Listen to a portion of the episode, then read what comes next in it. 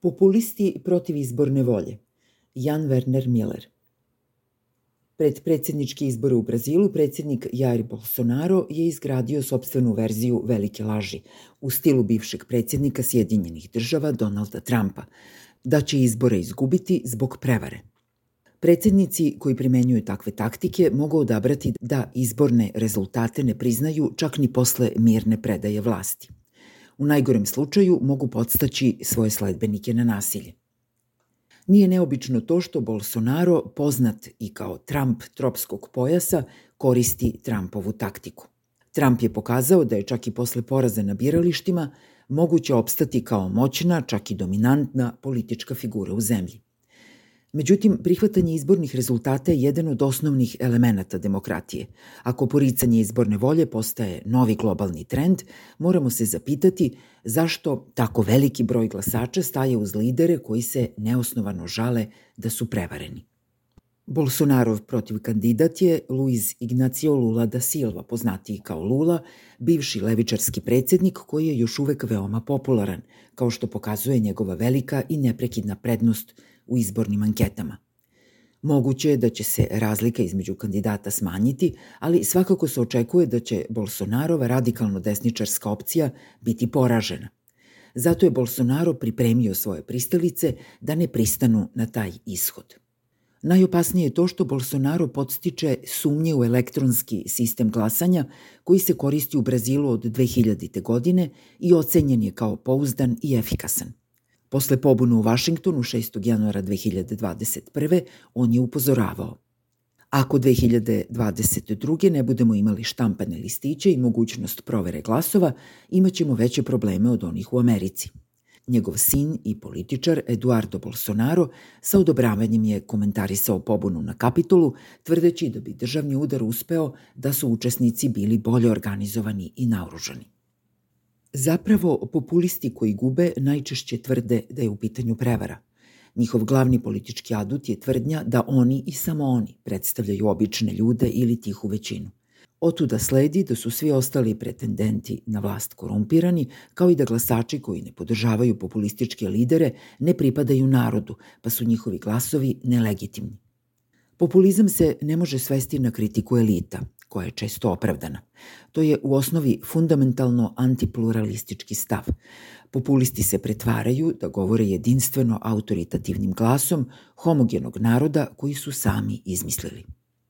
Prema toj logici, ako su populisti jedini autentični predstavnici naroda, njihov poraz na izborima može značiti samo to da je neko, liberalne elite, pronašao način manipulacije glasovima da osujeti volju navodne većine.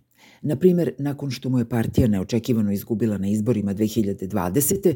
mađarski premijer Viktor Orban je tvrdio da domovina ne može biti u opoziciji. Posle neuspele kandidature za predsednika u Meksiku 2006. sadašnji predsednik Andreas Manuel Lopez Obrador objavio je da je pobeda desnice moralno nemoguća.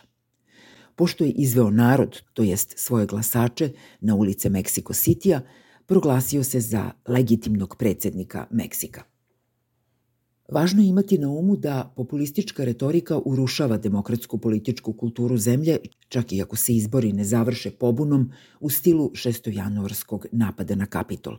Populistički političari indoktriniraju svoje pristalice tako da nikada ne veruju sistemu i uvek prvo pretpostave da izbornim rezultatima iza scene manipulišu razne elite. To ne znači da su izborni zakoni i procesi savršeni i bez nedostataka. U Sjedinjenim državama može se kritikovati sve, od propisa koji regulišu finansiranje kampanja do praktičnih teškoća građana koji pokušavaju da glasaju. Mnoge od tih teškoća posledica su zakona donetih upravo da bi se otežalo učešće na izborima ali postoji velika razlika između kritike nedemokratskih oblika sistema i odbacivanja čitavog procesa kao nedemokratskog, samo zato što ste izgubili izbore. Utemeljena kritika osnažuje demokratiju, dok je proglašavanje izbornog procesa za prevaru potkopava.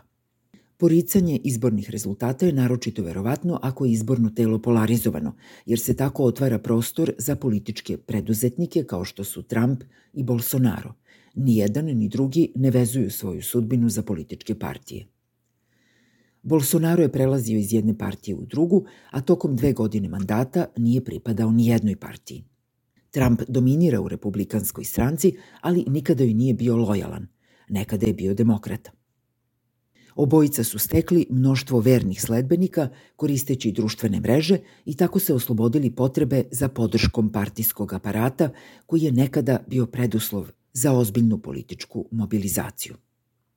U odsustvu funkcionalnih partija, ni jedan ni drugi u sobstvenom političkom bloku nemaju nikoga ko bi ih mogao obuzdati. Takođe, ni jedan ni drugi nemaju nikakvu filozofiju vođenja države ili konzistentan politički program. Obojica zapravo vode lične kulturne ratove bez kraja. Da imaju politički program do koga im je stalo, možda bi bili spremni da se povuku i prepuste vođstvo rivalu iz sobstvenih redova koji ima više izgleda da pobedi na sledećim izborima i program sprovede u delo. Od takvih figura se može očekivati da će ići na sve ili ništa i uporno poricati poraz, iako dobro znaju da su izgubili. Mnogo teže posledice proizvode reakcije njihovog okruženja. Trump je uspeo da prihvatanje velike laži pretvori u lakmus test za pripadanje republikanskoj stranci. Otuda mnogi od republikanskih kandidata za visoke funkcije odbijaju da se izjasne da li su spremni da se pomire sa izbornim porazom u novembru.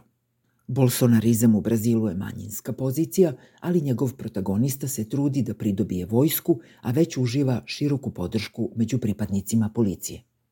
Ono što populisti nazivaju tihom većinom zapravo je grlata manjina, kao u slučaju Trumpovih i Bolsonarovih pristalica. I mada manjine imaju puno pravo da se čuje njihov glas, stvarna većina nema pravo da ćuti pred manjinom koja postaje antidemokratska i nasilna.